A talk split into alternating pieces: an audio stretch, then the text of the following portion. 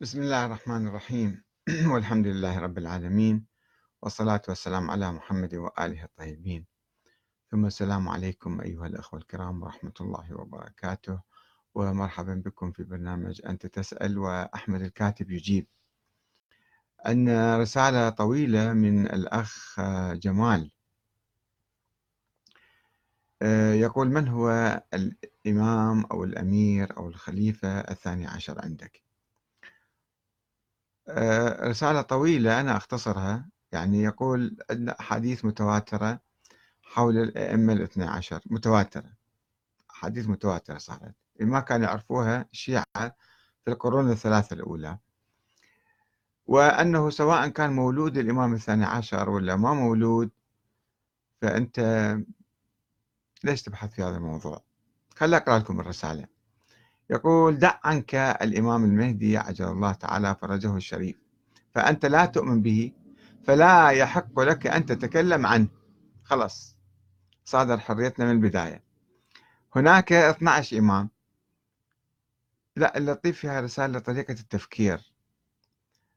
طريقة التفكير والإيمان بالحق المطلق وأنت ما يحق لك أصلا تناقش بعد بالموضوع هناك 12 إمام.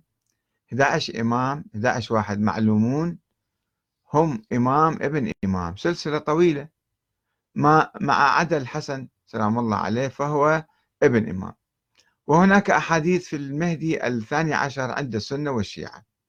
واحد يقول ولد والثاني يقول سيولد. هل تغير شيء؟ ما في فرق. سيولد أو لا أو سيولد. ما, ما عندنا مشكلة. لا أعتقد. هو يجاوب. الذي يقول أن هناك أئمة من ولد إمام لازم الإمام تستلسل هكذا عموديا يعني. يجزم عقلا. يجزم عقلا أن يكون الإمام الثاني عشر مولود. حتى لو ما عنده دليل وما شاف والحسن العسكري قال ما عندي أولاد وأهل البيت كلهم قالوا ما شفنا ولد للحسن العسكري. بس هذا اللي يؤمن بعقيدة معينة. الإمام لازم تتسلسل فلازم يجزم أنه موجود هذا الثاني عشر. والذي لا يؤمن بالأئمة من ولد رسول الله صلى الله عليه وسلم يؤمن بالإمام الثاني عشر من ولد فاطمة. هسه مو ابن الحسن العسكري من ولد فاطمة. أنت لا تؤمن فإلى جهنم وبئس المهاد. صار عصبي الأخ شوية. يعني إذا واحد ما آمن يروح لجهنم ما آمن في نظرية معينة مثلا اللي هي لا من أساس الإسلام ولا بالقرآن الكريم ولا النبي متحدث عنها. فد نظرية فد أسطورة جو جماعة سووها في القرون المتأخرة. فإذا أنت ما آمنت بهاي الأسطورة فإلى جهنم وبئس المهاد. هكذا يعني الحكم. هذا إرهاب بالحقيقة عقلية إرهابية.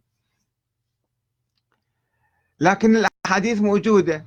بس على الأحاديث قام يدخل الناس بالجنة وطلعهم من الجنة ويدخلهم بالنار. لكن الأحاديث موجودة وأنه من ولد فاطمة. يعني أنت تريد أن تقول أنه غير موجود أو غير مولود فالإمامة عند الشيعة من أصلها باطلة إذا قلت هذا مو موجود الإمامة انتهت. هي انتهت من قبل 1200 سنة. وهذا لا يثبت ما تدعيه لأن التواتر موجود على ال 12 إمام. يعني الأخ سامع لك كلمة تواتر. وخلص لا محقق لا باحث لا شايف لا شايف حديث هو خبر آحاد عند السنة وما يدرون شنو معناته. حديث موضوع. والشيعة كانوا جعفرية وكانوا موسوية وكانوا إسماعيلية وكانوا فطحية وكانوا كذا. ما كانوا اثنا عشرية. ما كانوا يعرفون فكرة الاثنا عشرية. ولا يزالون إسماعيلية حتى لو عندهم أئمة مستمرين. الأئمة ما ينتهون ب 12 واحد. ولا ب 12 ألف ولا 12 مليون ما ندري شو وقت تنتهي الدنيا. فاللي يؤمن بالوراثة ما يؤمن بالتحديد ب 12 واحد. هذه الفكرة الاثنى عشرية ظهرت في القرن الرابع بعد 100 سنة من وفاة الحسن العسكري. بس الأخ عنده هذا كل شيء متواتر. هنا المشكلة اللي واحد ما يعرف شنو المصطلحات ولا باحث ولا محقق فيتصور كل شيء يعني متواتر عنده. وأهل السنة يقولون أن علي والحسن والحسين والسجاد والباكر وكذا إلى آخر واحد. كلهم يستحقون الخلافة ويذكرونهم بالاسم. راجع أقوال الناصب بابن كثير وابن كثير نفسه يؤمن بالمهدي الآن. من هو؟ لا يهمنا. من هو المهدي ما يهمنا مو مشكلة. فمن هو الخليفة والإمام والأمير؟ رقم 12 عندك. هنا المشكلة. يعني إذا قلت لك فلان راح تنحل المسائل راح يصير عندك إمام اليوم. إذا قلت لك محمد بن حسن العسكري هو الأمير والخليفة والكذا وينه ما موجود. فأنت عندك إمام الآن عندك حاكم لو تروح تبحث عن حكومة وتجيب لك حاكم وتنتخبه. فعمليا أنت ما راح تستفاد سواء قلنا أو ما قلنا. المشكلة وين إذا قلنا أنه هذا موجود؟ أكو مشكلة عندنا. ألف سنة الشيعة ظلوا يقولون أنه هذا إمام الله معينة الثاني عشر موجود ومنصوص عليه والله معينة. إحنا وظيفتنا شنو؟ وظيفتنا نقعد ننتظره. كل راية قبل راية المهدي فهي راية ضلالة وصاحبها طاغوت. ما يجوز نقوم بأي نشاط سياسي أي نشاط ثوري أي مقاومة أي تدخل بالسياسة أي حكومة كله ما يجوز. حرام حرام حرام.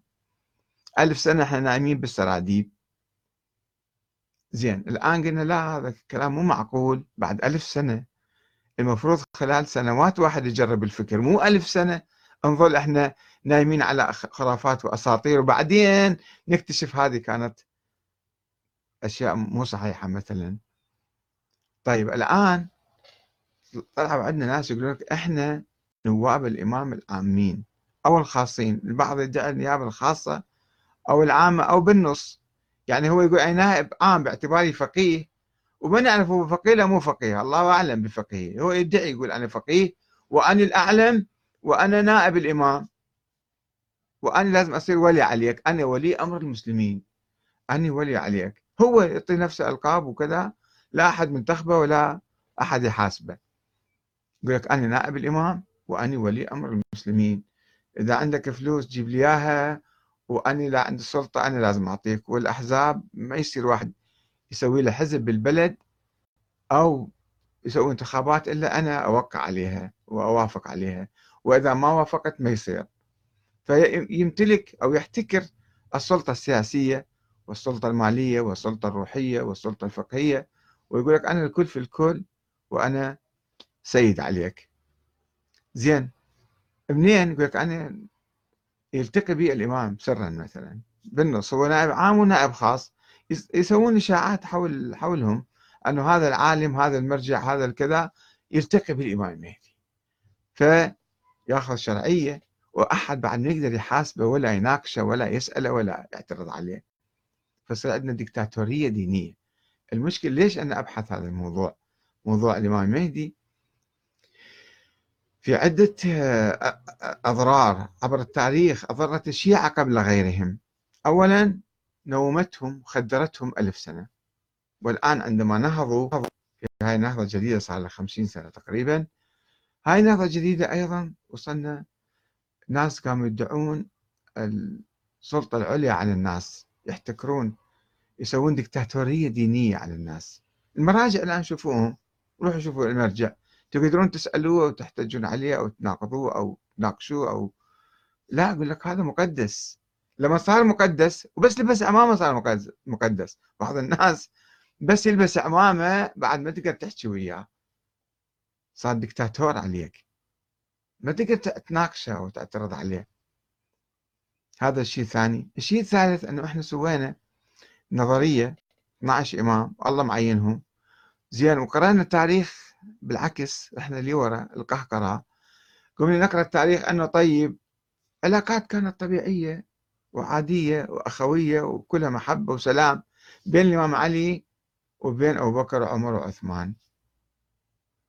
إحنا لا ما يعجبنا هذا الشيء. لازم نكتب التاريخ من جديد. نقرأه من جديد ونكتبه من جديد ونقول لا كانوا عندهم عركة بيناتهم.